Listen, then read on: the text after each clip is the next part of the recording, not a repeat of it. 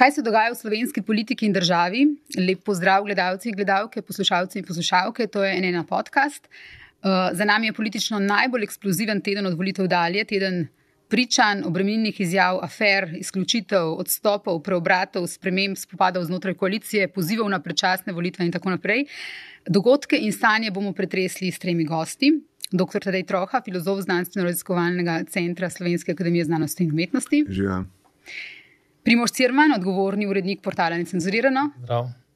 In pa dr. Alja Brgles, včasih vodja kabineta predsednika države Borota Pahorja, zdaj svetovalka bivšega predsednika, sicer pa ena od 13 ustanovnih članov Logarjeve platforme sodelovanja. Dobrodošli v NN. Pozdravljeni. NN podcast Suzano Lovec. Za nami, torej, kot sem rekla, najbolj intenziven in eksploziven političen teden po volitvah. Zgodilo se je res ogromno. In, um, kakšen je vaš rezime zadnjih dni, vaše glavne ugotovitve, oziroma kako bi ocenili to, kar smo gledali zadnje dni, kar smo videli, kaj se je zgodilo, kaj je to pokazalo? Tadej. Ja, okay. bom tako začel. Ne? Jaz sem ti pred, pred tem pogovorom vprašal, hočeš, da sem jezen, zabaven obupan, ne vem, par, par, par scenarijev možnih sem ti dal in še zdaj ne vem, kako naj se obnašam, ker tak je ta teden bil. Um, v resnici je tako, ne, da se je da, um, vse tisto, kar se je pričakovalo na nek način, da se bo zgodilo. Ne, mislim, uh, že pred volitvami se mi zdi, da je bila neka tendenca, nekaj, ki je šlo v to smer, cela ta struktura um, gibanja Svobode je bila tako nastavljena. Bili so neki momenti, rekel, religiozne sekte, bili so neki momenti nekih čude, čudežnih povezav, čudežnih odkritij med ljudmi, ki se prej niso poznali, in tako naprej. In je bila neka blazna, intenzivna vesa. Ne? In zdaj, če se vzpostavi neka taka malce religiozna struktura, ne? neka napol sekta. Uh, se tudi zgodi, da ta sekta v drugem koraku začne svoje pač, notranje člane uh, ki niso dovolj čisti, ne, izločevati, ker je to edini način, da ostanejo, da ostanejo kot sekta čisti in enotni. Jaz mislim, da če, zdaj, če govorimo, če se osredotočamo na, na goloba, ne, jaz mislim, da to, kar počne. Je z eno besedo absolutno nedopustno. Uh. -huh. Jaz, če se, um, rekel, take, ta, ta zga palca, ne, um, diskurza, da rečem, te tako neutemeljene in pretirane um, pretirane histerije z njegove strani, ki jo zdaj demonstrira, jaz ne pomnim. Ne? Če se spomnimo Mira Cererja, ne? on je bil v, ob koncu mandata tudi histeriziran, zafrustriran, užaljen, ne vem, besen na cel svet. Ampak mislim, da je imel Miro Cerer veliko več razlogov za to.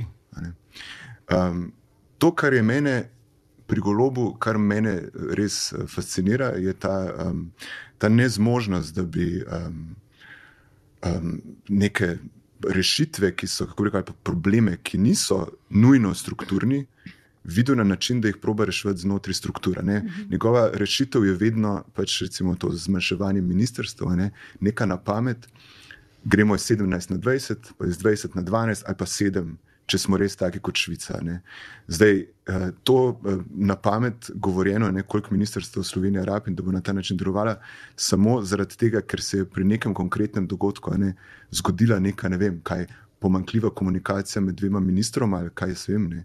Mislim, to je res, prav ne moreš verjeti. Ne. Mislim, eh, krizo zaradi poplav si je, mislim, v teh dimenzijah, kot jo on želi videti, je dobesedno zmislil um, ni razloga za ta odziv, ne, ni razloga za paniko. Jaz mislim, da tudi če imamo neko veliko krizo, sploh če je ta podnebna in če se bo ponavljala, je to um, nujen, nujen. Edini odgovor je, da večja organizacija, večje zanašanje na strukture, večja mirnost, ne, večja premišljenost. Absolutno nobenih pač paničnih dejanj, več dolgo, dolgoročnosti in srednjeročnosti, ne samo kratkoročnosti, in tako naprej. Žal je tako, da v njegovi stranki je tudi cela, kako reko, cela ekipa, ta najbolj izpostavljena, je najbrž še slabša od njega. Uh, jaz preprosto ne morem verjeti, mogoče sem že tle kdaj povedal, pa če še nisem včeraj, recimo na, na TV Slovenija ali v četrtek, ne na TV Slovenija, v Daj Tarča, je gostoval uh, gospod Sajovica, ne, uh, ki je najbolj kontra človek od tega, kar bi si človek prič, eh, pr, predstavljal kot to, kar bo prišlo. Vem, po protestih, ljudskih uporih, pa ne kako reko, celi tej mašineriji, intelektualni, v končni fazi, in afektivni, ki se je zagnala, da bo to figura, ki bo vodila parlamentarno stranko v parlamentu. Ne. Mislim, človek, ki zgleda bluten, boden, pač narisan, ne, uh, ki spomne, potem, ko se mu očita, ne, uh, ne bo niti odgovarjal na očitke, ampak bo zašel v to, vem, spomnil se bo na. na Na to, da je bilo treba nositi maske, pa vem, pa se bo spomnil na policijsko uro, pa kakšna je bila prej ta država, pa spomnil se bo na afero z maskami, češ njegova, mislim, ta absurdnost, da pride človek do tega, da ko, ko je soočen s takimi direktnimi očitki, mislim, kaj, v smislu, kaj počnete, ne, ne z očitki, kaj ste naredili, ampak kaj vam je, bo rekel, to so vse, to je vse samo krinke, to so vse samo umetne afere, zato da pozabimo na počivalška in njegove maske. Ma kdo se tega spomni? Mislim, samo to za, recimo, za začetek, pa so še drugi akteri, ne katerim se je pa treba tudi vrniti, da ne bomo okay. pozabili. Doktor Brles, kaj vi pravite? Ta, ta teden, kaj je prinesel, oziroma kako bi ga um, povzeli, kako ga vi vidite? Ja, uh, to niso lepi dnevi zdaj. Um, pravzaprav za nikogar. Um, jaz ne, moj odziv ni bil v nobenem trenutku tako čustven, kot smo prej le slišali.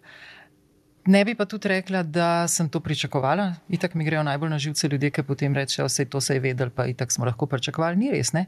Kader ima nekdo z volitvami um, na legitimen, legalen način tako veliko moč, kot jo je ta uh, stranka Gibanje Svoboda dobilo pred ne tako dolgim letom, ne, ali več kot letom. Um, potem pravzaprav si takih presenečenj ne sme dovoliti. Um, in zato lahko zdaj rečemo za nazaj, seveda, zakaj so pa sestavili takrat tako veliko vlado, zakaj so pa dali tako veliko moč uh, koalicijskim partnerjem, zakaj, uh, skratka, veliko razlogov lahko najdemo nazaj, um, ki so že trasirali tole pot v to veliko presenečenje tega tedna. Ne? Ampak kar je bolj pomembno ta trenutek je, kako od tu naprej. Uh, in naprej se seveda lahko zdi za hip, mogoče všečno, pa še to ni prava beseda, produktivno pa sploh ne. Uh, Reči, ok, priznamo kakšno napako, mogoče pa ni bilo pametno jeti v tako veliko vlado, a ne, pa dajmo zdaj razmišljati o 12. Uh, vendar to nič ne pomaga za res. Uh, prvič, vemo, da se tega ne da narediti takoj. Drugič, uh, ko enkrat uh, pride do take velike erozije zaupanja, pa niti ne zdaj samo zaupanja, ampak do tazga padca, uh, um, do padca vrednosti v očeh voljivcev. Ker voljivci zdaj vidijo, da to ni to. Sej pač vsak voljivc je sam šel na uh, limance, če ni volil za program, ampak je volil samo za nekaj, kar ne bo. Ampak pričakoval pa je, voljivci in voljivka sta pričakovala, da bo vendarle taka moč in taka eh, pravzaprav lagodna večina v lagodni situaciji, ne? sej takrat ni bilo več ne COVID-a, ni bilo nekih drugih kriz, uh, lahko omogoč, da dobimo kakšno reformo, če že ne reformo, kakšno spremembo, če bo kakšna sprememba, naj bo na boljše, če govorimo o zdravstvu, naj se to pozna v zdravstvu. Vse kaj dosti drugega pa nismo govorili. Potem je prišla pač neka vojna, ki je takoj povzročila um, vprašanja glede energetske oskrbe. Spomnimo se tega. Pred prejšnjo zimo smo se zelo sprašvali, kako bomo zimo preživeli. Ampak potem je tudi to šlo zelo nekako s skupnimi napori sveta ali pa Evropske unije, je šlo brez uh, velikih bolečin skozi. Ne? Zdaj pa prihajajo resni problemi. Te poplave so mogoče pač, ne vem, kaj bi rekla, eno znamenje z neba, da se vendarle lahko stvari zgodijo, ki niso prijetne in ki jih je treba znati reševati. Zdaj ne gre za to, da bomo ene probleme, ne, ene izzive mal naslavljali, ampak gre za to, da imamo ene probleme, ki jih je treba rešiti. Mhm. In kadar imaš to, takrat pa že hočeš vedeti, da imaš na oblasti nekoga, ki to zna, ki ve, kako se bo lotil, ki se ne bo premislil potem, ko bo naredil neko veliko reč, pa bo potem videl, da je boljša, ona manjša ali kakorkoli. Skratka, to se mi zdi en precejšen šok tega tedna, ki ga vsi čutimo, no? kakorkoli. To ni zdaj samo šok, streznitev za vlado ali pa za njenega predsednika ali pa za koalicijo, to pravzaprav zdaj vsi nekako debatiramo. No? Primoč. Dogajanje tega tedna je mogoče razdeliti v bistvu na, na dva dela. V prvem delu začnemo pač z nedeljo zvečer, oziroma ponedeljkom zjutraj, smo videli dejansko plastično prikazan posnetek delovanja um, enega človeka, ki je bil zelo, zelo blizu vrhu prejšnje oblasti v poslih z državnimi podjetji.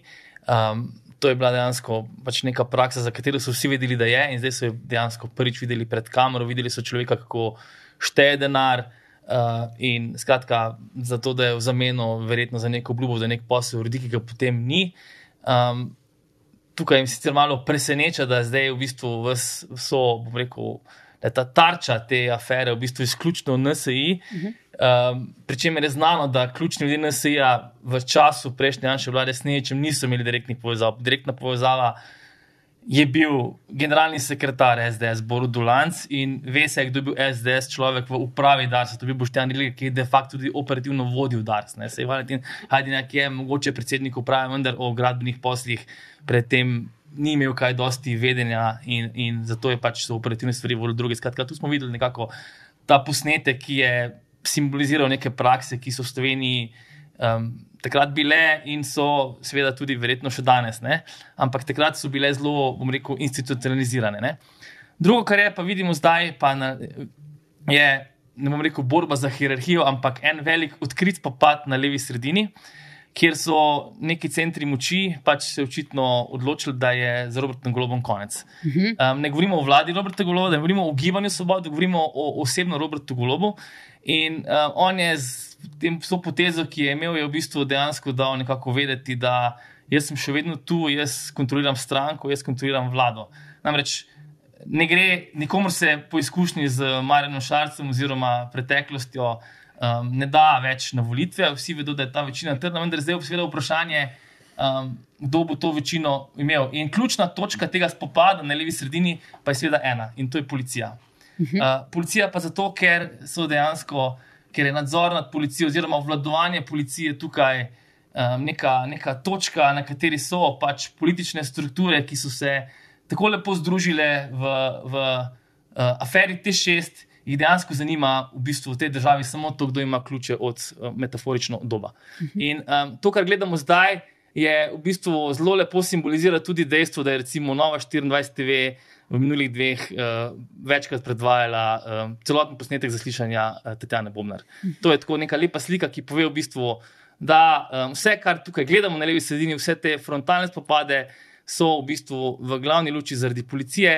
Uh, začeli pa so se potem, ko je, je Gibanje Svoboda oziroma Golob sam odprl rano Sanjo Janovič Hovnik, ki jo je popolnoma nerazumljivo 14 dni pustil odprto, namesto da bi ministrico takoj po razkritju spornega razpisa uh, razrešil um, je, je, je zadevo pustil čakati. Um, in um, to je seveda povzročilo nek palec v rejtingih, zaradi katerih je nastal tisti, da je pač položaj Roberta Goroba šibek, in um, potem je pač sledilo to, kar je sledilo. Uh -huh. uh, rekla sva, da bo, da bo povedala, prav je, da povemo, da smo povsem transparentni. Uh, Primož, tvoja žena je pač direktorica vladnega urada za komuniciranje. Drži, to lahko potrdim. Tako, zato te o teh stvarih tudi ne bom sprašvala, ampak okay. je prav tudi to povemo. Uh, tvoja nekdanja dolgoletna sodelovka Vesna Vukovič pa je um, generalna sekretarka Gibanja Svoboda. Uh, to tudi drži, um, prav je, da to pač uh, korektno povemo. Uh, ko govoriš o centrih moči, ne, uh, kaj, na kaj konkretno, si lahko bolj konkreten, o čem govoriš? Poglejte, funkcija Tatjana Bobnar danes je jasna. Funkcija Tatjana Bobnar je svetovalka uh, predsednice republike. Uh, ki je v nekem latentnem konfliktu z kabinetom predsednika vlade že nekaj časa. Vemo, kaj se je dogajalo pred predsedniškimi volitvami, vemo, kdo je bil prva kandidatka Gibanja Svobode. Ni bila Nataša Pircmusar pa Marta Kos, potem je Marta Kos uh, golob po nekem javnem sporočilu Milana Kučana umaknil iz igre, ampak kljub temu ni podporil Nataše Pirc Musar, ampak je podporil Milana Brgla. Se pravi, um, in Nataša Pirc Musar je pač to razumela kot nek, nek akt sovražnosti, in pri čemer je postalo jasno, da bo potem, ko bo prišla v kabinet, da bo ta konflikt v bistvu neizbežen. Priča smo v bistvu podobni situaciji, kot je na Hrvaškem, kjer je pač imate na eni strani Milanoviča, na drugi strani Plenkoviča. Um, tudi Plenkovič zelo pospešeno menjuje svoje ministre, mimo grede. No. Skratka, um, govorimo pa tukaj o nekih strukturah na, na stari levici, okrog nekdanjega predsednika, ki, ki pač. Misliš, Milana Kučana? Tako je. Namreč tu morate vedeti, na levi sredini vedno veljajo neka pravila. Um, to so izkusili že nekateri prejšnji predsedniki vlade. Ne? In, in, in um, neka, neka nepisana hierarhija velja, in, in pač glop je tu nek tujek v zgodbi, ki je prišel dejansko pred volitvami iz praktično ničesar ustanovil stranko v treh, dveh mesecih. V tej stranki je, so prihajali neke kolone ljudi iz, iz vse posod. In v bistvu on na tej točki v bistvu šele ugotavlja, kaj se ima v stranki, uh, kdo se je noter. Skratka, kar naenkrat 41 novih poslancev, pri katerih je bila večina politično neizkušenih. In tukaj je v bistvu, tukaj jaz vidim glavno zgodbo, ki se trenutno dogaja, kdo bo v bistvu na tej levi sredini dejansko um, vodil niti. Se pravi, ali bo to nekdo, ki bo pač. Poslušal nekoga, hodil po nasvete, hodil na zajtrke, skratka, vedel, katero agencijo najeti, kdaj, skratka, razno razne stvari, koga kadrovati v kakšno podjetje, ko, kateremu gradbincu dati kakšen posel ali ne. Skratka, um, in tu je na vse zadnje, koga nastaviti za direktorja policije. Namreč pri policiji je zanimiva stvar. Ne? Policija je ena zgodba, kjer je ta nek. Najprej je nastal nek konceptualen konflikt ne, iz dveh stvari. Prvi je, da je bilo v bistvu vprašanje, ali je bila policija, potem ko je Janša okupiral in tako rekoč uničil, ali, ali je Janša prišel v stanje, ki je bilo idealno ali ne. Ampak statistike gospodarske kriminala so že takrat dokazovali, da je policija od leta 2015-2016 zelo neučinkovito preganjala gospodarski kriminal v Sloveniji, torej še zdaleč ni bila idealna institucija, preden je ta prišel Janša. In druga stvar je bila ta nek konceptualen konflikt znotraj policije o tem, ali lahko policijo vodijo kadri, ki so, ki so bili ki so dejansko šli čez vse strukture policije, skratka pri 15 letih v Tacen, pri 18 potem na, na fakulteto in naprej, skratka, ki so dejansko 20-30 let plezali skozi vse položaje v policiji, ali pa je policija dovolj odprta tudi za kadre, ki so recimo naredili vem, pravno ekonomski fakt, ki so šele kasneje iz drugih služb prišli v policijo. In tu je bil dejansko nek, nek konflikt, ki je nastal na konceptualni ravni, ki pa potem prerasel v odprt politični konflikt, ki ga zdaj v bistvu vidimo, vse te rakete, ki se spuščajo, so v bistvu rezultat tega ker golob pač ni. Um, vemo, kdo je golobo pripeljal, Tatjano Bobnar, in um, ker golob pač ni um, v bistvu, ker se je z golobom sprla in šla, to, kar vidimo takrat, je v bistvu posledica. To je zdaj eskaliralo tajno. Se vi dva strinjate s tem? Vse ne gre za strinjanje. Jaz uh, imam tukaj mogoče malo drugačen pogled uh, na te reči, zato ker to je vse so zelo pomembna dejstva, verjetno tudi koga zanimajo. Meni se pa vendarle zdi, da voljivca mora zanimati nekaj čist drugega. Ne? Uh, tako kot sem vas zdaj poslušala, je nekako tako videti, kot da bi gospoda Goloba čarodej potegnil iz klubuka, ne, um, pa ni čist nujno tako. On je vendarle šel na neke volitve in tam zmagal in dobil strašno veliko večino, in morda danes, ne, to je zdaj moje ugibanje, razočaral veliko število ljudi, ki so mu takrat dali svoj glas. Ne. Zdaj mi vemo, da on takrat ni zmagal z največjo večino vseh časov, ne, da je pa pač zaradi nekih drugih razlogov, podonto in zaradi tega, ker ljudje dejansko niso podprli nekih manjših strank, se je potem zgodila ta največja večina v parlamentu. Ne. S to največjo večino v parlamentu je pa lahko ta proces, ki ste ga tudi vi zdaj malo omenili, lahko bistveno daljši, ne, lahko se dlje razkraja, zdaj je to politično truplo, lahko se mu poišče neke načine za to, da se ga umetno ohranja pri življenju. Vse to smo že videli, to ni nekaj zelo novega razloga. Ampak jaz vendarle mislim, da enkrat na koncu bodo spet volitve. Um, Janša pravi, da ne bojo čim prej. Jaz ga po svoje razumem. Uh mhm. -huh. Ker verjetno on z, s tem, če bi bile predčasne volitve, verjetno SDS največ dobiva. Ne? Ja, to zdaj ne vem. Ne? Bomo verjetno mogoče v naslednjem krogu lahko kaj rekli o tem, kaj to zdaj vse pomeni za konstelacijo sil, kot so zdaj. Ne? Vemo pa, da imamo v parlamentu trenutno najmanj v zgodovini strank. Ne? Še nikoli ni bilo tako malo strank. Ja, tako imamo pravzaprav dvopolni sistem, ki pa mislim, da v Sloveniji ne zadovolji dovolj ljudi, da bi lahko res bil tak. Tako da domnevam, da se odpira prostor pri teh razočaranih voljivcih, ne, da uh, bi lahko volili tudi drugače, kot samo proti, da bodo morda kdaj le zahtevali, da nekdo, ki nastopi, ima kakšno idejo, ima kakšen predlog, ima kakšen program, ima mogoče tudi ekipo, mogoče celo malo konc časa novih obrazov, mogoče bi zdaj radi, da nekdo, ki bo se potegoval za kakšno javno funkcijo, že ima kaj pokazati. Ne? Mogoče pa ne, lejte, slovencev nas je mal, mogoče gremo lahko še naprej po metodi izločanja, pa ko bomo to videli. Ne moramo zdaj videti, kdo tega, ne, ne, ne, ker se sami odvijate. Ja, povejte, ne, povej. Prezvedeti bom jaz repliciral. Uh, bom najprej primošte repliciral, mi da se že dolgo poznava. Mislim, uh, kar, kar jaz vidim problematičnega v tej tvoji naraciji je to, da če ti naracijo na ta način postavljaš, boš moral vključiti tudi sebe. govoriš o zadnjih non-stop. Mislim, če ti tako naracijo postavljaš, so tvoje povezave lahko del te hobotnice. Pa verjamem, da niso, ampak razumeš, v čem je problem. Problem je v tem, kar sem jaz najprej govoril. Mene, ne, ne, Tatjana Bobna se bo spomnila, meni, kako bi rekel, tangirala ne takrat, ko se je zadeva zgodila, sem rekel, vedla, ne, kako bi rekel, vedla je, v kaj se spušča, in ni imela poguma, da v tistem momentu pove, kaj je bil problem. Um, zdaj je se zgodil, ne po zamiku pride, ne zanima me.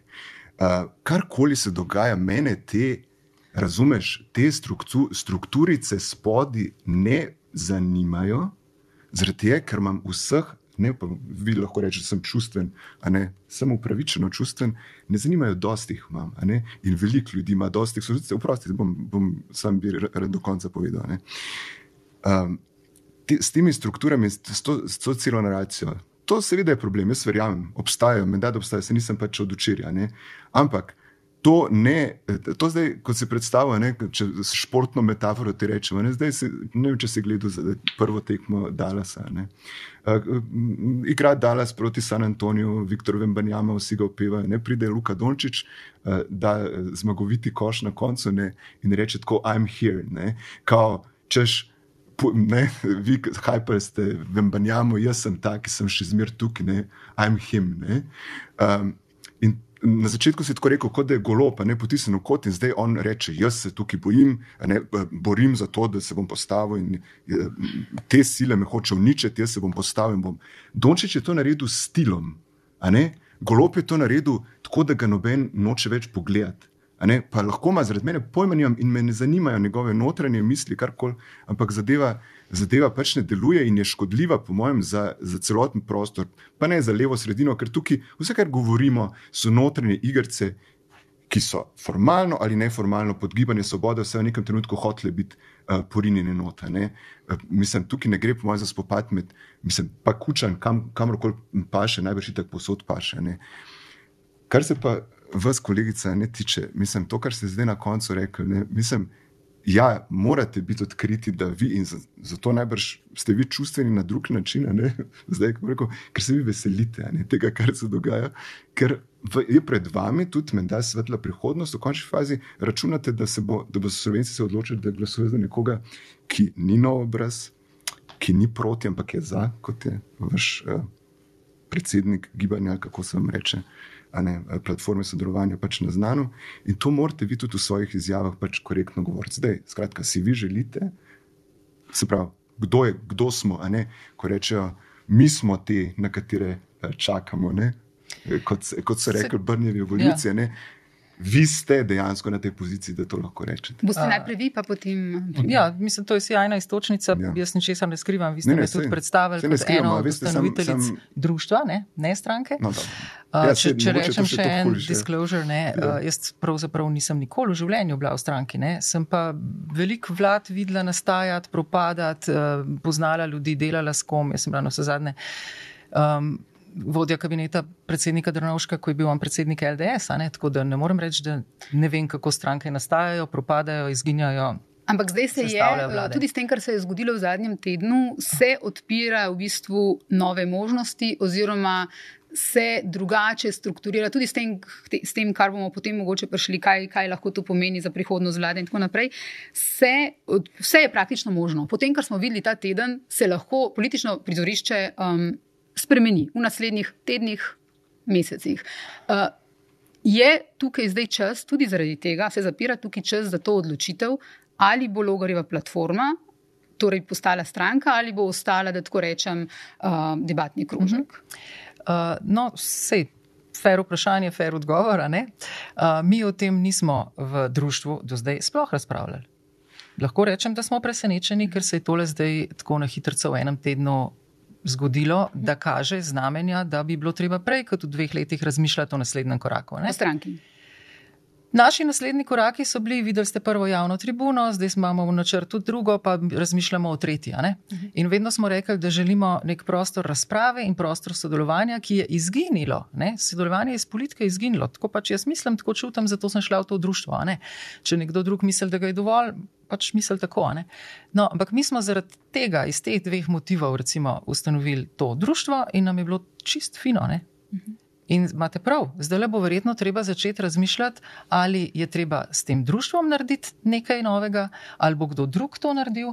Jaz ne morem reči, da bi kot recimo, eh, vi ste bili pač tako, kot ste rekli, ne? in pri dr. Drnovšku, in pri Borutu Pahru, in tako. In imate neke izkušnje s temi um, Ja, jaz imam očitno nek predsodek ali pa kaj bi rekla intoleranco ali kako se reče temu, do tega, da bi se vključila v stranko. Ne, ne hodila sem reči, da imate tudi svetovanje, verjetno. Zato, da bi postala ja, stranka. Razumem. Ampak imate verjetno na tem političnem sceni, ne. Uh, ste bili svetovalka več politikom, kaj boste tukaj logarju svetovali? Torej, situacija v tem tednu se je odvila tako, kot se je odvila, odprte so, kot pravim, m, zdaj različne možnosti, kaj se bo dogajalo naprej. Ja. Eh, bi vi njemu svetovali, da v stranko torej pohiti? Ja, zelo natančno vprašanje znate postavljati, čestitam. Um, k sreči me tega. Doktor Logar ni vprašal, ne, kar ste me vi. Uh, res je, da sem jaz sodelovala in pač na vse zadnje zmagovala v številnih kampanjah, uh, in zdaj je verjetno čas, ki je treba o tem začeti razmišljati. Se strinjam, tako okay. tudi jaz razmišljam. Zato sem sama nekajkrat rekla že, da uh, v prihodnem letu evropske volitve ni prav, da bi bile spet tako nepomembne, da bi spet, uh, se jih udeležilo med 25 in 27 odstotkov volilnega telesa, da so teme, ki bi jih bilo treba debatirati in so ta trenutek lahko evropske teme strašansko pomembne za naš obstoj, da je tudi Evropa v drugačnih težavah. Skratka, torej, da je prav, da skratka, šla, uh, ne, še vedno na... mislim, da bi bilo strašno narobe, če bi evropske volitve ne bile vsebinske in ne bi bile tematske.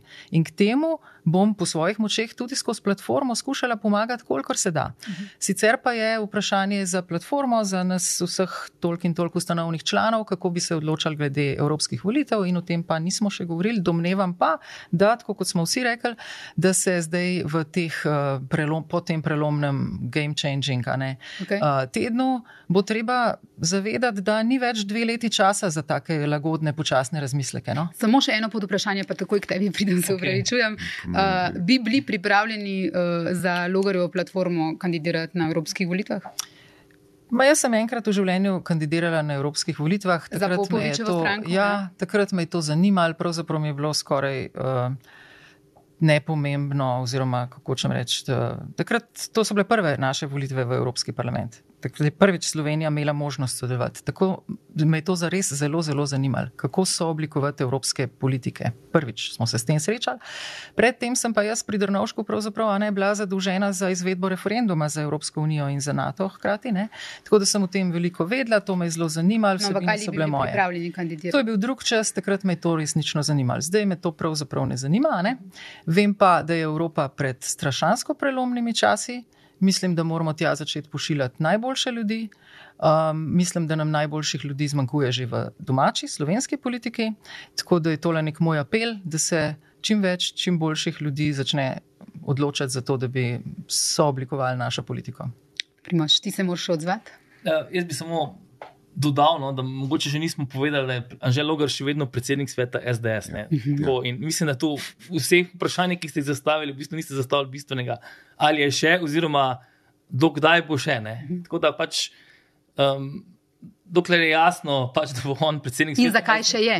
Tako je. Ja. Recimo, no. Ampak, okay.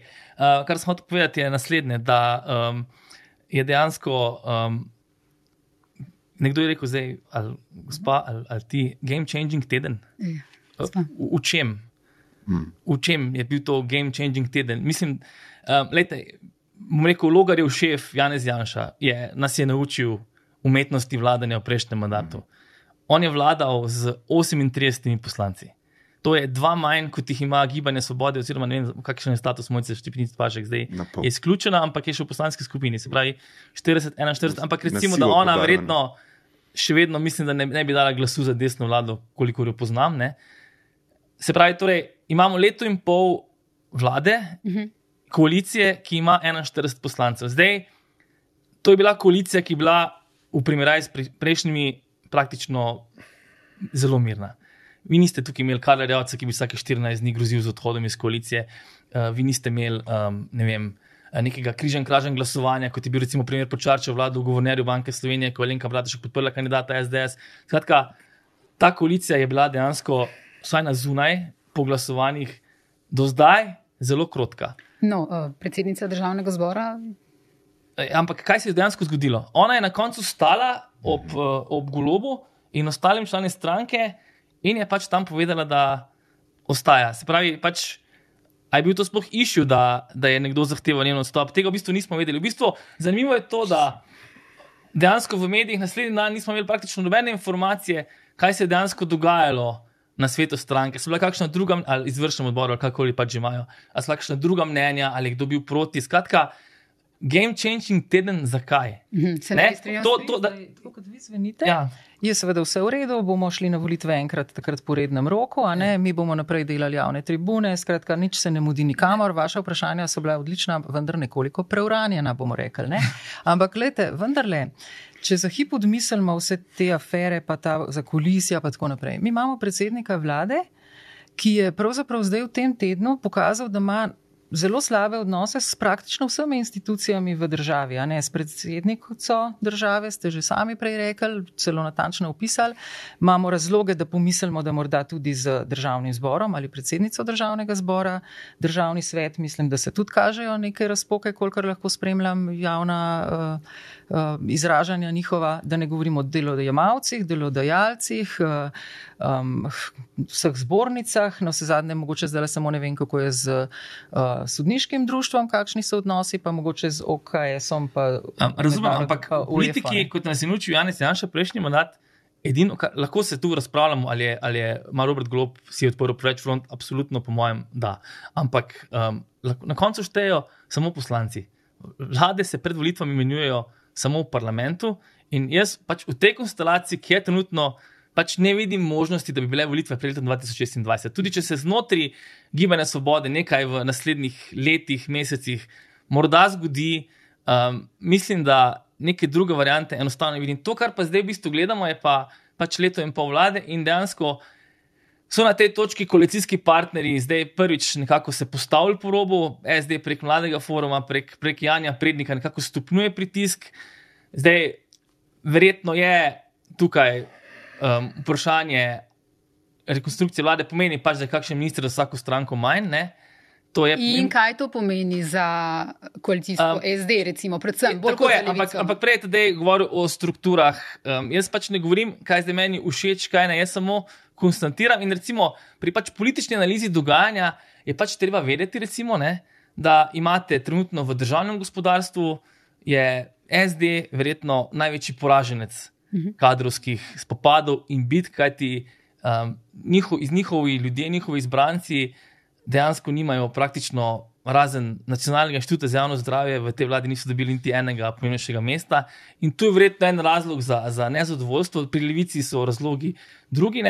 Uh, in, in skratka, tukaj v bistvu so zdaj na neki točki oni, zdaj pač, kot sem rekel, zaradi tega dogajanja zaznali, da je glob bi lahko postal šipkejši, kot je bil, ker prej bi pač očitno nekaj vendarle nesporna avtoriteta. In zdaj se bodo nekako začele te karte in pozicije nekako na novo prelagati, predvsem teh interesnih območij, um, tudi, tudi v državnem gospodarstvu. Ne, ne, ne gre pozabiti, da odprt, odprto je mesto članov prave slovenskega državnega holdinga, ki upravlja 9 milijard državnega premoženja. Odprti, odprti bo tako malo dve novi nadzorniški mesti, to so zelo vplivne funkcije. Odprto je mesto predsednika uprave Luke Koper in znotraj teh kart mislim, da se bo v naslednjih mesecih odigravalo tudi, tudi to nezadovoljstvo ali zadovoljstvo s samo koalicijo. Uh mhm. -huh. Tadej, videli smo v preteklih dneh tudi to, da je v bistvu v koalicijskih vrstah prišlo do res brutalnega javnega obračunavanja med podmladki strank. Ne?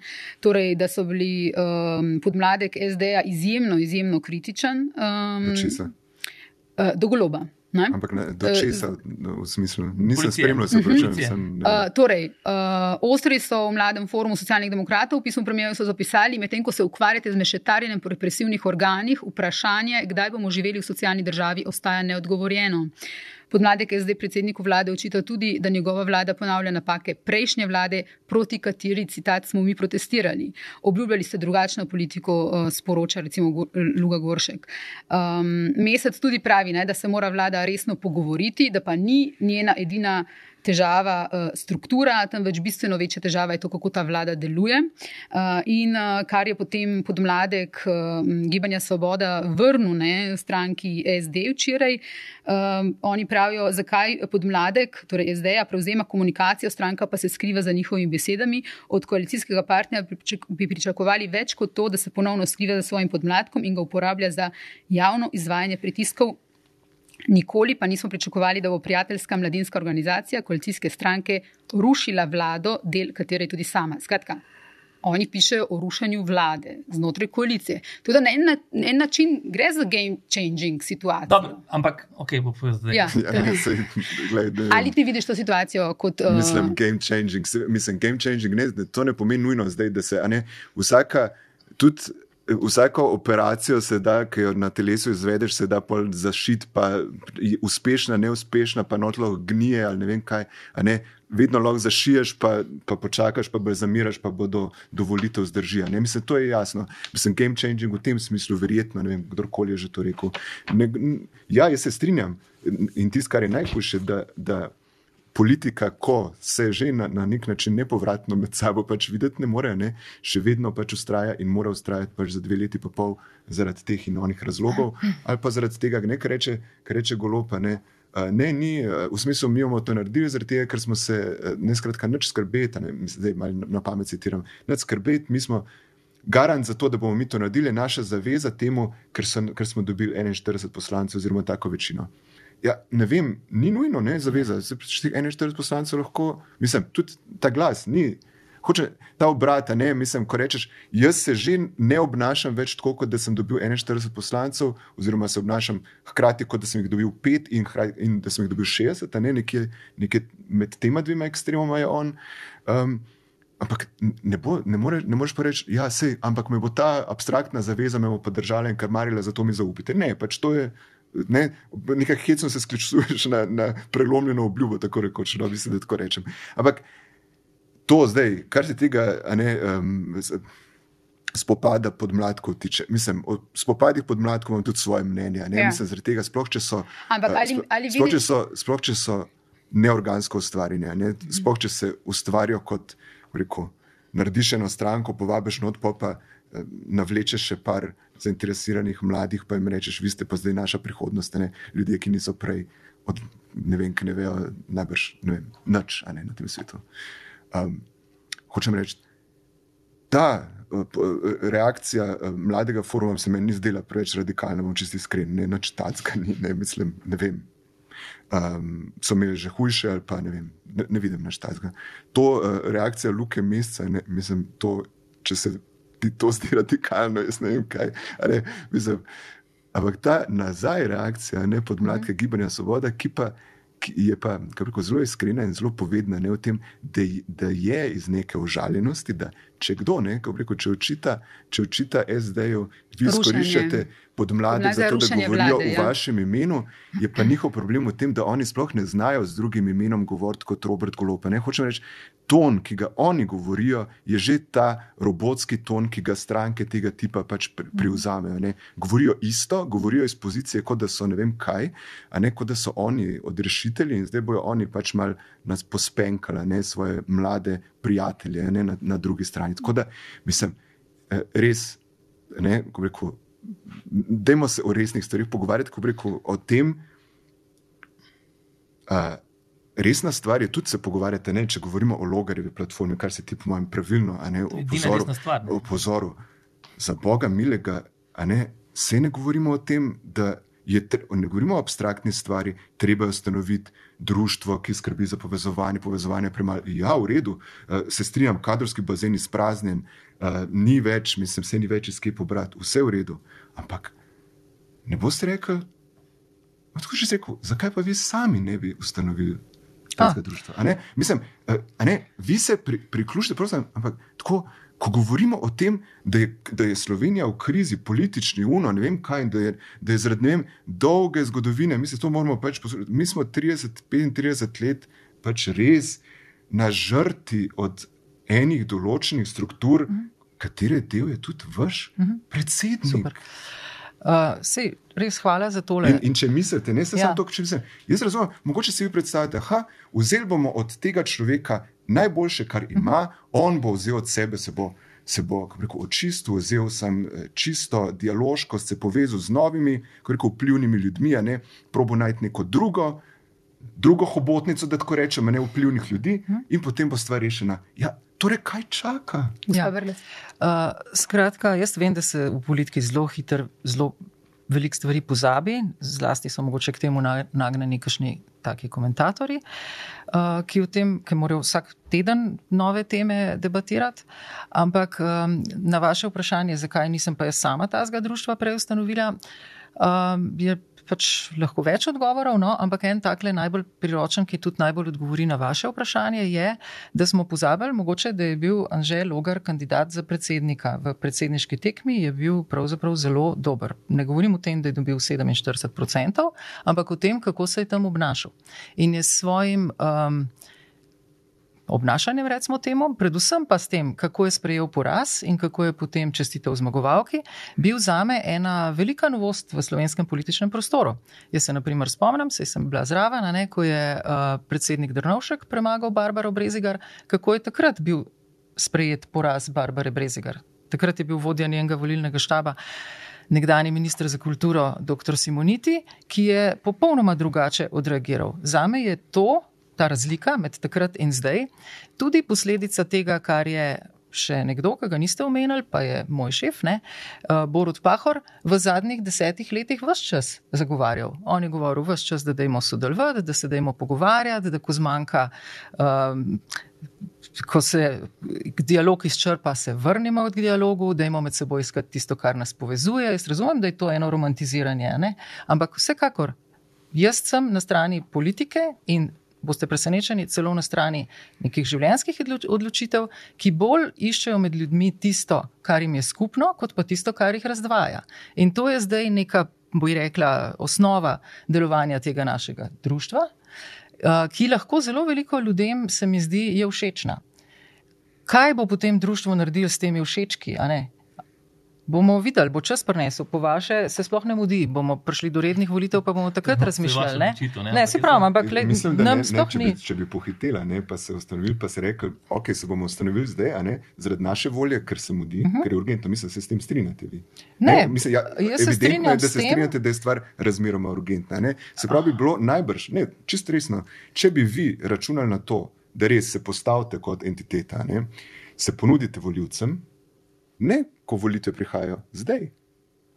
Bi mogoče dosegli točno to, kar zdaj kolegu Cirmanu očitate, da, da, bi, da bi rad nadaljeval, pa, pa vleko, pa kako da je vse v redu. Sprobite zdaj, pokažite se, Se, jaz sem gospod Brgles razumela, da bodo to naredili. Ja, oziroma, ne, ne, ne, da vi mislite, da bi bilo to treba. No? Uh, jaz sem brez dvoma tista oseba, ki sem tle rekla game changer. Ne, da se ne bomo. Ja, ja. Ja. Uh, in sem tako tudi res miselna. Se ste vi potem ponovili za mano, da se enkrat ta proces začne, ga je zelo težko zaustavljati, da se kozmetično, da se medicinsko, da se najdete izraze, kako se truplo balzamira. Ne, se sva oba približno isto ja, besedo uporabljala. Ampak vendarle se je ta proces začel. Se to bilo vaše prvo vprašanje. Nekaj je drugače od tega tedna naprej ni več no, to, kot je bilo. Res, res bi rad, ne, se upravičujem, ampak res bi rad to podaril. Tisto, kar je bil vedno problem, je to, tist, s, čim, s čimer bi zares morali preromiti, s čimer bi ljudje, ki hočejo biti oblastniki, zare, oziroma pač voditelji, ali kako koli temu rečete, lepo, ne, ki hočejo voditi. Oni morajo prevzeti odgovornost, tveganje, se vzpostaviti dovolj zgodaj, ne, tak, ne v, v komunikaciji že z voljivcem, ampak v komunikaciji z državljani, z ljudstvom, s prebivalci, z volilnimi upravičenci, ne z voljivci, ki razmišljajo na nek bolj naiven način, prav po defaultu. Ti bi skratka rad, da Logar zdaj pove. Ja, ne, hočem reči, ne pove. Stvar se mora zgoditi, če je urgentna. Jaz ne razumem, zdaj, če se zelo mudi, če, če vlada razpade, če imamo eh, eh truplo. Ne vem, zdaj hočem reči, vi imate en scenarij. Pravi, če, če recimo zdaj vlada, uh, vlada, vlada obstaja, je slaba, škodljiva, ne vem naprej. In vi čakate dve leti, gledate to in, in rečete, ok, bomo počakali, bomo pa dobili še toliko večjo večino. Probite zdaj. Na hitro, vi a, potem pa k primožu. Ja. Tole naše društvo ni nastalo zato, da bi vrgli vlado. Tudi enkrat, samkrat nismo kaj tasga rekli ali pa mislili. dali ljudem, a ne? Nastalo je vse sem prej povedala, pa ne bom ponavljala. a ne. Ja, se vem, Eh. Vas pa razumem zdaj, se mi zdi, da sem vas prav dobro razumela. Vi bi želeli, da enkrat, ustrezno dolgo pred volitvami, nastane nekdo, ki bo potem na, volitvami, na volitvah zmagal. Ne? S tveganjem, da ne bo, a ne, v tem je- v tem Ker je zdaj smo imeli nekaj a ne, eksperimentov, kjer je nekdo nastal pop-up. V enem mesecu na hitro naredil kakšne postopke Anti-Janša, za ne? organizacijo, Anti-Janša. ali pa celo vzel eno že obstoječo Ja. stranko, da je bilo še lažje, da je res lahko v petih tednih naredil vse. Ne? Se strinjam, mogoče bi bilo fino, okay. kdaj imeti malo več podatkov, ko gremo na volitve. Okej, potem pa grem na vprašanje, ja. Podmatki, pač, pač folklora, skozi katero pač lahko kakšna stranka pove kakšno stvar, ki jo na javni sceni ne sme. Recimo, primer 20, mladi forum je Gregor Goloviča napadal zaradi te šesta, te šest, recimo SD ga javni meri in tako ni. Skratka, to se dogaja vedno. Uh, zdaj, glede pač tega um, pregovarjanja o tem, kdaj ustanoviti društvo, mislim, da končna odločitev o tem je pač.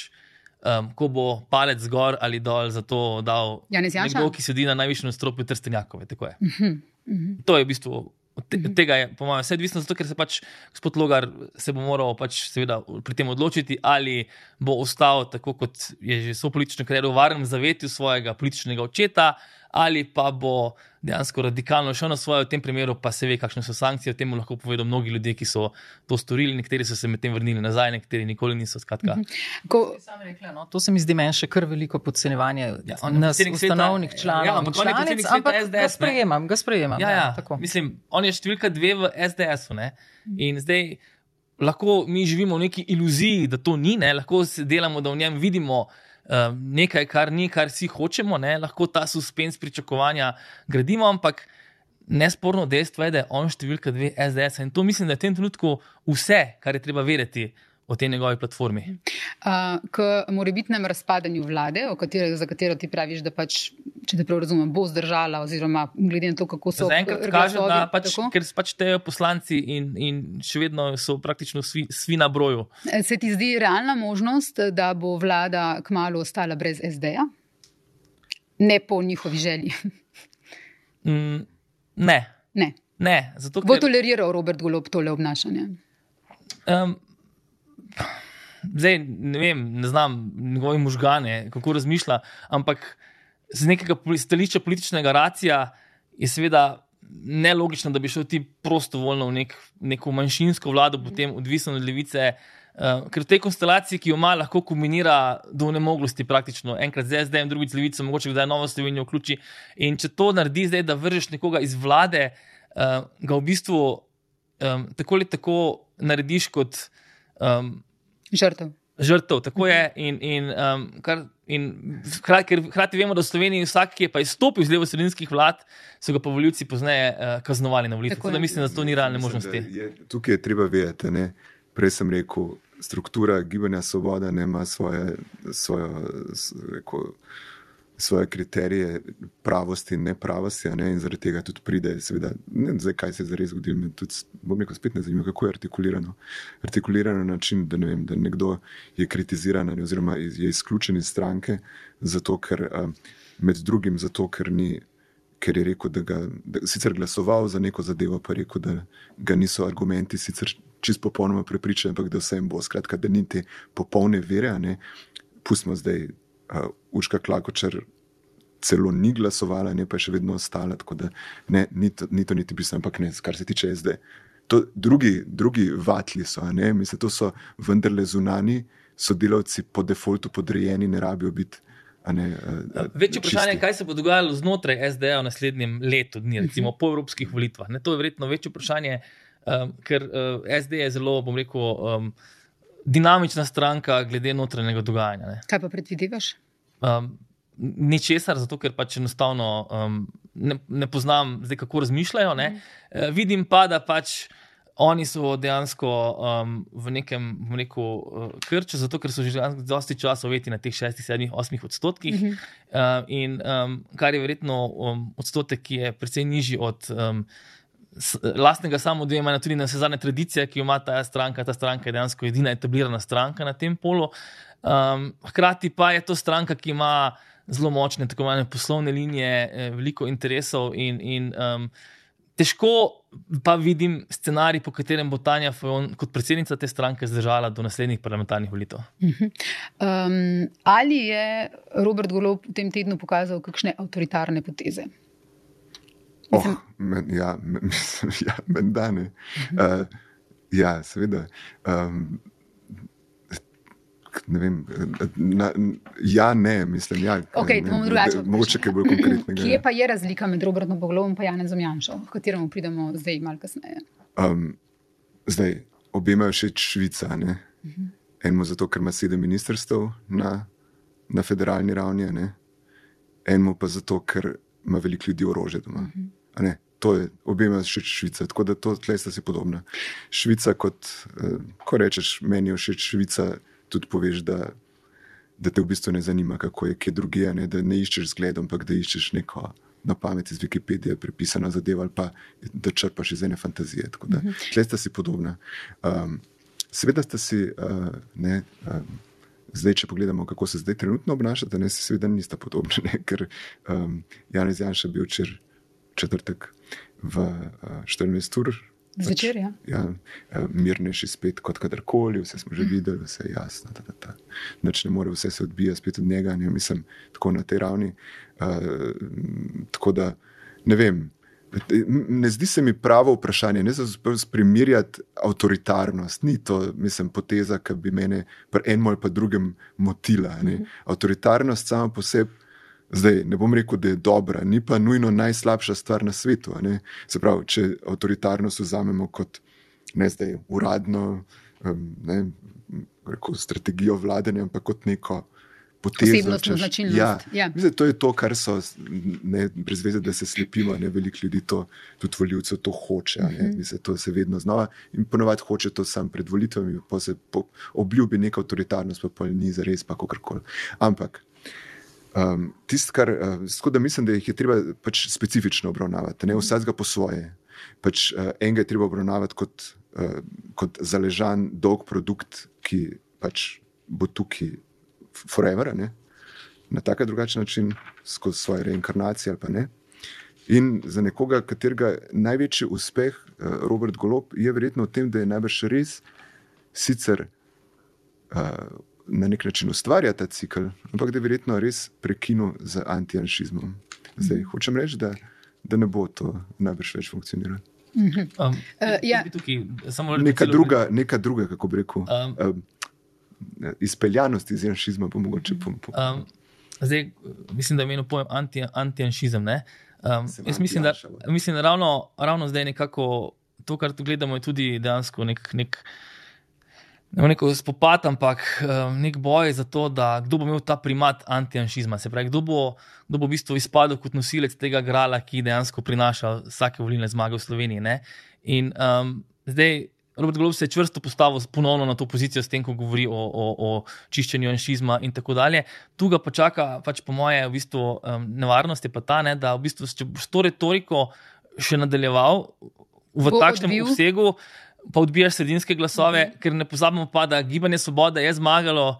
Tudi na podlagi sredinskih glasov, tistih, ki so dejansko šli na volitve in obkrožili. To pa so glasovi, ki jih na koncu lahko pridobiš samo z dosežki vlade in z nobenom, v bistvu, v narekovajih, ideološko takšno stvarjo. Ža- Žal je ta pač segment anti, tega antijanšizma na konstantni ravni v Sloveniji vendarle nekako, po moje, premajhen, da lahko um, takšno prepričljivo zmago še enkrat ponoviš. In, in tu, tu pa potem v bistvu kaže pomembnost, kakšna bo operativnost vlade, kakšni bodo dosežki. Ne? Veš, kje lahko še pridobiš te sredinske uh, glasove, ne? s tem, da govoriš o povezovanju. Pa Ne, jaz pa mislim, ne? da v bistvu jih pridobiš z predvidljivostjo vladanja. Uh Mhm. -huh. Spravi z nekimi ukrepi, um, recimo z, nekomi, z neko davčnimi ukrepi, ki so predvidljivi, ki se ne spremenjajo vsake tri mesece. Uh -huh. Uh, ti si napisal v eni od svojih kolumn uh, zadnje čase, da Janez, Janši, Janez Janša se lahko samo smeji in tako je vsakič znova. ne? A ste ga mogoče opazili, v kateri od teh afer v zadnjem tednu? Um, ker vtis je, da vsi streljajo raket drug pri drugemu, samo Janša, ni celo pri Snežiču ga ni. Ja, včeraj sicer moral odgovarjati ne, in se je Ja, ampak ne, na tudi pri 24 logarju ga zvečer. ni. Skratka, Janez Janša ni nikjer. Ja. Samo vse posod je. Ja, je pa v pozivih k volitvam ne, na Twitterju. Ampak mislim, da niso iskreni. Okay. Zato, ker on trenutno ne ni v situaciji, da bi si želel Mhm. volitev, on bo še počakal, da se v bistvu čaka. Včeraj je posredno napovedal, čaka na implozijo levo-sredinskega Mhm. pola, pri čemer tudi situacija, v kateri je sedaj država, tako uh, javno-finančno, kot z, z, uh, z drugimi stvarmi, trenutno ni takšna, da bi si on v bistvu želel prevzeti oblast. On bo, po mojem, še raje bi kakšno leto taktično čakal. Druga stvar pa je, seveda, um, njegov strah pred represivnimi organi je tukaj prisoten. To je v bistvu edini argument, zaradi katerega bi on v bistvu prišel nazaj, je, da spet prevzame kontrolo nad represivnimi organi, eh, ker ti si ne želi tako preiskovanja kot razčiščevanja deviacij, ki so se dogajale v času prejšnje oblasti. Bi pa tukaj rada o nečem govorila, eh, še nekje je prisoten s pozivi k oboroževanju, kar se mi zdi leta 2023 uh, v Sloveniji, torej v 21. stoletju. um, Zakaj vas to čudi? Ne, to ču, čudi? čudi me, ker v Zakaj? bistvu imamo situacijo, ko v tem letu na velikih televizijah, največji televiziji v državi, poslušamo argumente, zakaj bi se oboroževali. Ne, ne, na, mene pa čudi, da te to čudi. Ja, To ja. je le del. Hočeš reči, naivna sem. Um, ne, mogoče imaš prekratek zgodovinski spomin, oziroma rada vidiš stvari drugačne, kot dejansko so. Ja. To je le. Ni posamični eksces, to je, to je del neke kampanje, ki se vodi že dlje časa. Vi ste dve leti nazaj je bila uporabljena fraza državljanska vojna. Uh -huh. Če boste hodili recimo na um, okrogle mize, ki organizirajo recimo organizacije desnega pola, boste tam videli, v bistvu, o čem tam govorijo. Ne? Da nas bodo ponovno spravili v jame, tako kot leta 45. On v bistvu dejansko izkorišča ta strah um, potomcev. Um, um, pač te- teh slovenskega prebivalstva, ki je, ki je bilo žrtev povojnih pobojev, um, ki so seveda bili absolutno nekaj eh, nedopustnega, in jih izkorišča, da v bistvu gradi narativo, to se vam bo spet ponovilo. In ta strah dejansko. Pogovarjate se s temi ljudmi, ta strah je dejansko prisoten, koliko se nam v teh balončkih zdi, da to seveda ne more obstajati. In to je le del tega. Se pravi, govoriš o državljanski vojni, imate frazo državljanska vojna napisano v eni resoluciji SDS, zdaj govorimo o pozivu k oboroževanju. Seveda, zakaj je zdaj to govori? Zato, ker je seveda. eh, Imamo spet krivega drugega in to so v tem primeru migranti, ne, grožnja. In skratka, um, to je le del konstantne kampanje, tega, tega psihiranja političnega prostora, ki smo mu priča. Lahko mi govorimo o povezovanju, ampak dejstvo je, da ta koalicija je sanitarni kordon, kot so rekli um, pred drugo vojno, uh, je nek ustavni lok pred Janom Janšo. In, in to je, in zdaj jaz tu vidim pač žalost poskus um, vaše platforme, da se ta, ta blokada, ki je recimo nastala nekje od 2017-2018 naprej v Sloveniji, poskuša pribiti z neko iluzijo, da je pa iz tabora Janeza Janša išel nekdo, ki z njim nima nobene povezave. In Ja, kar dajte vi pa potem še Um, tedaj. Ja, tako imam malo občutek, kot da zdaj tekmujemo v tem, kdo bo bolj pravilno napovedal dogodke prihodnega tedna. Ne? Kaj bo zdaj, počitnice kakšna bodo. bo poteza. Ja, sej po počitnicah bomo pa govorili o zmanjšanju vlade, pa o tem, ne, in o tem ste vi zdaj govorili. Vi, kot bolj dobro obveščen človek, ne, lahko tudi mogoče bolj predvidite, kdo bo minister, kdo ne bo, kakšne razpoke bo to povzročilo. Meni se to zdi pravzaprav manj pomembno, ne, ampak jaz ta trenutek vendarle izhajam iz enega, bi rekla, društvenega ne, pogleda na stvari in mene res zanima, ali bi se mi lahko začeli obnašati tako, kot da smo v 21. stoletju. Recimo, uh, tako da, recimo, bom rekla nekaj dobrega zdaj, ker prej le nisem ne, o um, predsedniku vlade Golobu. Uh, ko je on zmagal na volitvah, sem jaz imela res občutek, kot državljanka, sem imela občutek, da je to strašno pomembna stvar in da je dobil tako veliko večino, da bo lahko z njo naredil nekaj velikih stvari. Hej, človek je menedžer, on zna, on bo zdaj naredil neke stvari, ki bodo delovale. Sej voditi Slovenijo, ki je v Evropski uniji, ki je v NATO, ki nima nekih strašno velikih problemov na mejah ali pa ne vem, ki bi jih morala reševati na zelo komplicirane načine. Je pravzaprav to vodenje ne bi smelo biti tako strašno težko za nekoga, ki je že kdaj kaj Ja, vodil. pa se vam zdi, da v redu vodi državo? No, in kaj se je potem zgodilo?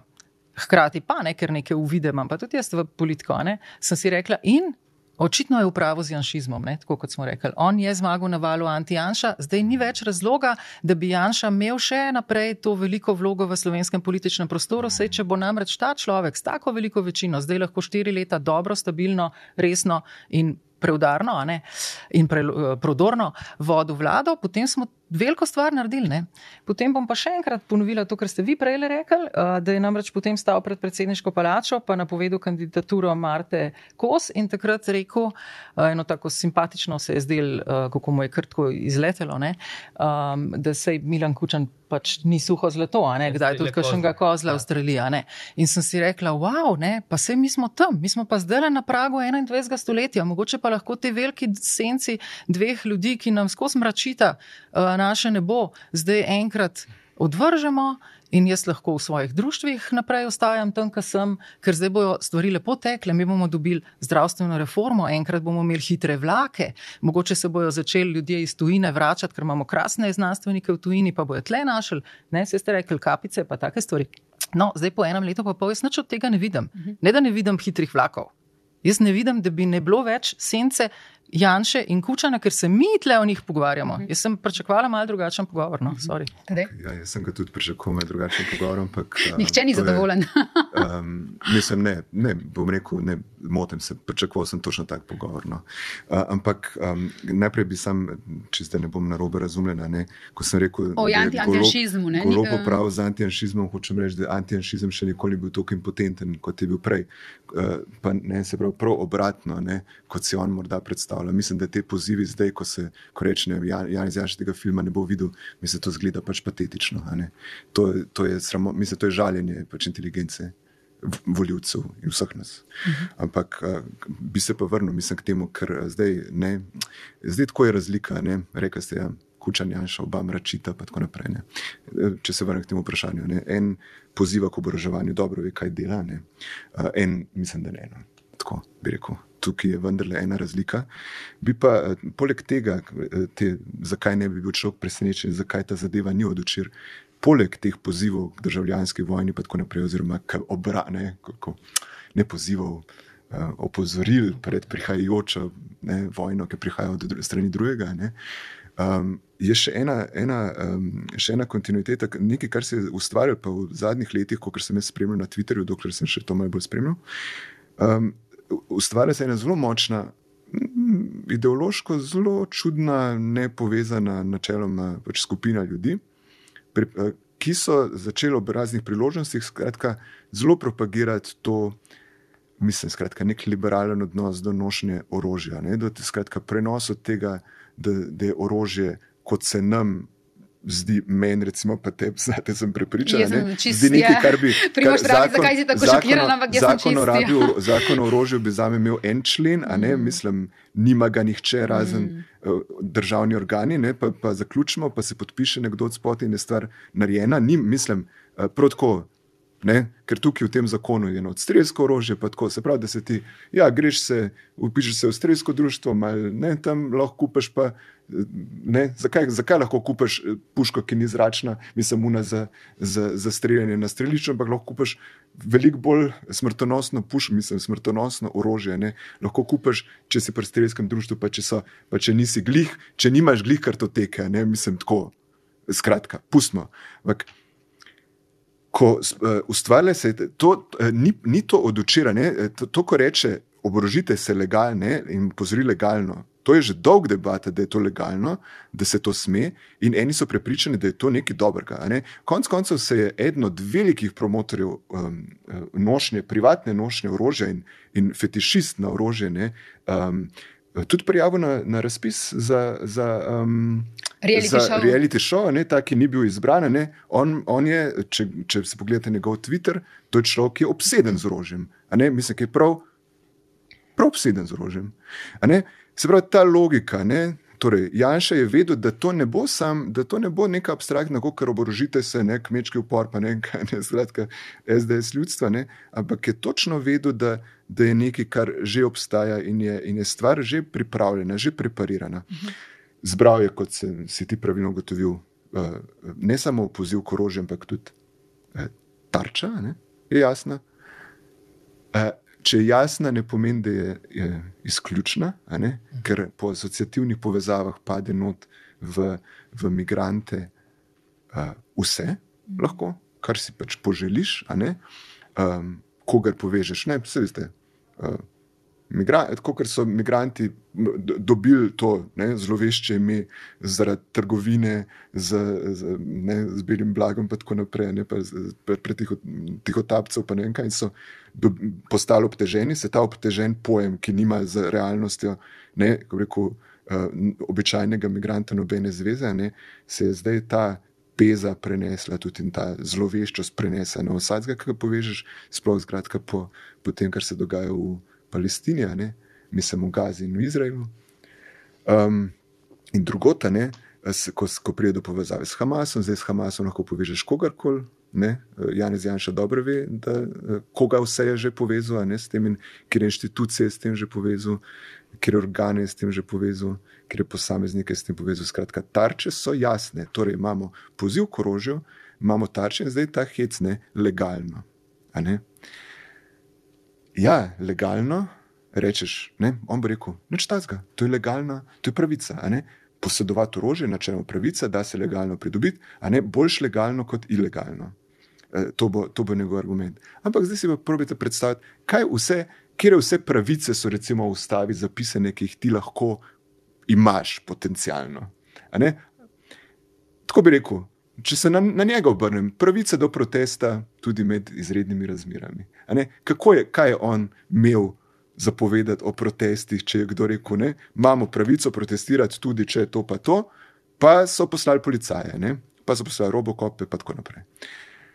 A to je tako, kot da bi rekel, da ja, sej otrok ima načeloma pravico, če ga starši, a ne maltretirajo, oziroma maltretirajo, če so zoprni do njega, bi rekel, vse ima otrok kot človekovo pravico tudi reči tako, da ne reči, da je fotor, pusti me primir. Ne bi rekel, ne bi nobena socialna služba rekla, da je ta zločinec, ta mama, ne? kaj je rekel. Ampak, če ti ho, pozivaš, kao, ne, tukaj imaš tarčo, imaš to pravico, izkoristijo, izkoristijo na polno, izkoristijo pač celo dobiš to, kot da bi, da bi rekel, aha, da ti, kot da bi vzgajal na način, da enemu otroku rečeš, vse, kar ti bojo starši rekli, imaš ti pravico pač klicati na socialno službo. A, veste, o čem govorim? Se pravi, jasno je, da, da vse ta zmotavanja in mi, kar bi morali narediti, ne. Uh, Kar bi, zdaj, mi se lahko rečemo, eno je pač so čiste, kako, čiste poteze pravne. Jaz ne vem, zakaj se je treba naknadno, ne strani politikov, samo mislim. Razburjate ne, in se postavite v neko pasivno, ne, vi morate prevzeti pobudo, ne, ne pustiti, da diktira nekdo, ki poziva k orožju, celotno politično dogajanje. In rešitev, se pravi, in zaradi tega mi je, se upravičujem, mislim, ta način, kako golo ne reagira na vse te zadeve, kaj se je v tem tednu, pa desetih dneh zgodilo, se mi zdi škandalozen prav na to. A vi res mislite, da je v času, ko nekdo poziva k orožju, ko to povezuje z, mislim, ko se uh, spravlja na, na, na vse možne ljudi, ne, ko, ko hujska, ne, da, da, um, ko, mislim, ko skratka mu je ideal, da je kaos, ki ga lahko on prešije, se to nisem zdaj nič novega povedal. Mhm. A je res prava reakcija to, da se ti začneš ukvarjati s sedmimi, minister, sedmimi ministrstvi, da delaš dodatni kaos? A je rešitev, da ne vem, boš zdaj, aj, mislim, pa, že, če to prišlo iz ozadja, ali res mislite, da bo afera snežič zdaj pa to pripomogla k temu? Um. Hočem reči, um, tukaj, ker, ker problem je v tem, če se pa. Spustiš v to debato na način, da ja, se nisem več tega povedal, to se vse sme. Ne, seveda, veš, kaj si povedal. Um, Omenil je tudi uh, afero um, reality show Vojska. Uh mhm. -huh. Komu bo ta afera škodila? Ali bo sploh komu škodila? Sem nam. Um, Kot res razumem, je zdaj razpis razveljavljen. Ne? Ni bil noben izbran. Ni bil noben izbran. Ni pa še pravnomočno. Se pravi, jaz mislim, da je to pač. Um, v bistvu bo to na koncu ena od nekih viharjev v kozarcu vode, eh, ki so se zgodili. Pač, mislim, da nekaj širšega vpliva na to ne bo imela. Ne? Ker um, pač zadeva je trajala dva dni, vse pri aferah je v bistvu. Če tako rečemo, je ključni trenutek v bistvu, v bistvu reakcija. In, in videli smo recimo reakcijo pri, pri reality showu, ne? ki je bil pač nek poskus um, tukaj um, v bistvu tega privabljanja, privabljanja ljudi v vojsko na nek način, ki ne pomeni, da daš pač neki agenciji denar za, za neke džambo plakate. Ne? Ampak po dveh, treh dneh je bilo v bistvu stvar zaprta. Ne? Pri Ajanoviču je bil pa recimo težava Poleg tega, seveda, da, da je dejansko so bili tam oži družinski člani v teh hobotnicah podjetij in da je bilo enostavno nekih na ključi preveč, da ne bi dejansko bil tudi ogen tam, kjer jedim. Mislim, da je bila ključna težava, da, da, za, da, oziroma ključna napaka, da je ni presekal takoj. Ne. Mislim, da teh, teh 14 dni, ko se je to dejansko upravičeno vrtelo po medijih, je, je bilo jasno, kakšen bo, ker je bilo pa vse čas jasno, kakšen bo sploh epilog tega. Mhm. Ampak mislim, da te, mislim, da te, uh, mislim, da v končni fazi. Um, so ljudje dejansko, čas gre tako hitro, dogodki se vrtijo tako hitro, sploh v tej 24-7 informacijski družbi, v teh news cyclih, ki so praktično že za tiste, ki jih ustvarjamo, praktično ne mogoče spremljati. Yeah. Ja. Um, gre vse tako hitro, da bo to čez 14 dni, en mesec, polnoma pozabljeno in bo verjetno kaj drugega mm -hmm. prišlo na plano. Mm -hmm. um, Neposredno po uh, zadevi pričanja Tatjane Bobnar in Lindava um, se je zgodilo to, in, in tudi po tej aferi z, z Morsom, um, se je zgodilo, da je um, bila napovedana ta rekonstrukcija vlade in so se zgodili ti ostri rezi, torej da sta bila dva odrezana iz stranke Gibanja Svoboda. Uh, vidite vi to kot nek um, preusmerjene pozornosti? Roberta Goloba, bi to lahko bilo to? Ne, jaz se ne ukvarjam toliko s temi um, možnimi ozadji ali pa z možnimi metodami za to, da se nekaj prikrije s tem, da se v zadnji nekaj zgodi. Meni se zdi, da se ta trenutek dogaja toliko bistvenih stvari v spredju, da se rajši tem posvečam. In tukaj bi rekla, morda na vaše prejšnje vprašanje, ki ga sicer niste meni postavili. Um, kaj bi bil lahko nek učinek te um, realitija. Mhm. Um, če tvegam še jaz enkrat eno napoved, tako jaz mislim, da na koncu ga bojo mogoče celo posnela, ne? zaradi tega bojo pač ponovili razpis ali kakorkoli izbrali nekoga. Zdi se mi celo, da če si uh, obrambni minister, je tvoja naloga, da skrbiš za to, da uh, naprimer lahko. Uspešno pridobiš nove kadre za vojsko. Na tarči pač... so izračunali včeraj, kako preplačano bi to bilo. Da, da, Zdaj so primerjavo z High Production. Vse ne govorim o tem, ampak govorim o tem, da je uh, minister za obrambo imel neko idejo, kako bo prišel do novih. Uh, Kako se reče, nabornikov ali pa sploh fantov, ki bi se odločili za vojaški poklic in vojaško službo. In mislim, da bo to na koncu enkrat tudi naredil, ali bo mogoče razpis manjši, ker smo zdaj videli, da bi bil sicer preplačan, ali kar drugega drugače, to zdaj ni moja stvar. Ampak uh, bi pa to rekla. Je pa ena ja. žrtev, dovolite, pa vendarle že bila, ne? A, ne? A ni mojca še tinc pa še ravno zaradi tega pravzaprav bila potem, um, kako bi rekla, no, dobila lekcijo, če tako rečem. Ne? Tako da nek učinek je tole že imel. Ne? Mojca še Tinc Pašek, če pa še to rečem, pa ni um, popolnoma neviden, neviden član ali članica uh, Gibanja Svoboda. Ne? Med 41 jih je nekaj takih, ki jih mogoče celo jaz ne poznam po imenu ali pa po njihovem delovanju, ampak mojca Šetin Spašek je pa na vse zadnje oseba, ki je uh, zmagala v aferi Prestitutka. Ne? Se pravi, ona je nosilka tega, kar so ljudje takrat videli v golobu in v njegovih prizadevanjih, da se odpravi z nekimi sencami preteklosti, če še enkrat tako rečem. Tako da tukaj mislim, da imamo prvi uh, učinek tega. Težava je, da ko celotno politično narativo podrediš poplavam, je uh, seveda posledica tega, da bodo ljudje občutljivi do besede na vsak evro, ki bo šel za nek namen, ki pač mogoče ne zgleda mm. običajen, mm. in, in s tem bo pač te vladi treba živeti. Mm. Tukaj so vsi ti evri, to sem tudi jaz videla včeraj v Tarči, res bili pokazali, da so sami po sebi znatno preplačane dejavnosti znotraj filmske ali pa televizijske industrije, ker so primerljive kazali. Ker da bi dva milijona bila spričo desetih milijard prevelik eh, znesek, se mi ne zdi. Ne? Ja, ampak ljudje si te zneske lahko predstavljajo. Uh, vidite, recimo, ko ljudje vidijo roke snemiča, ki šteje 5000 evrov pred kamero, razmišljajo o tem, da oni delajo za ta denar 3 ali 4 mesece. Um, ne predstavljajo si recimo nekih milijard in, in ravno zato v bistvu bo.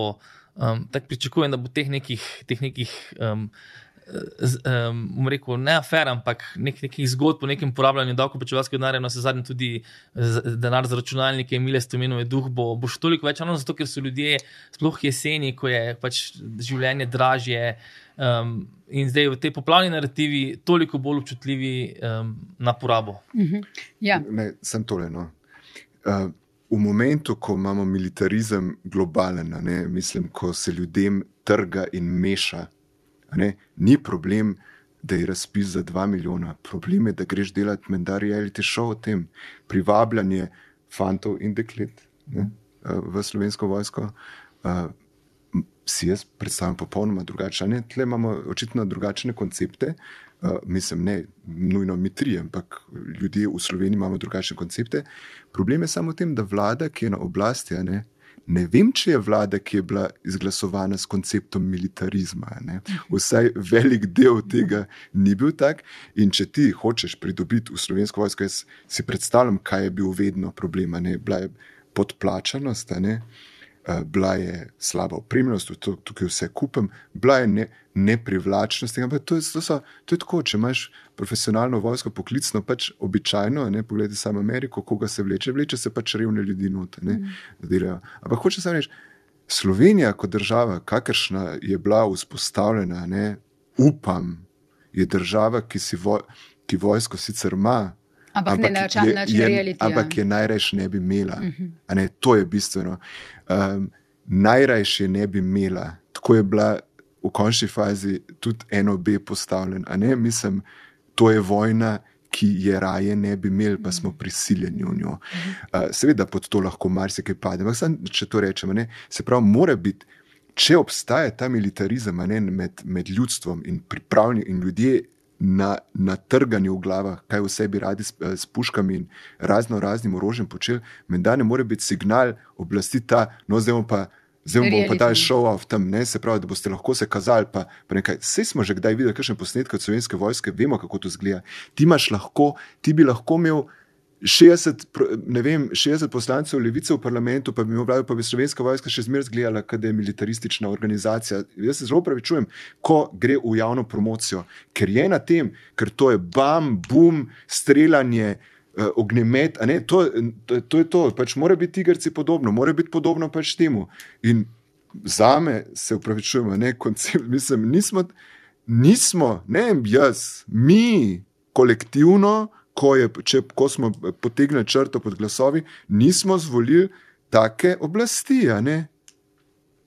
Okay. Basta. In tukaj, ja, dva milijona, v redu, ja, mislim, dva milijona, pa spet bom rekel, se strinjam, ni mal, ni mal, dva milijona za nek tak bulšit. Uh, zaključujemo.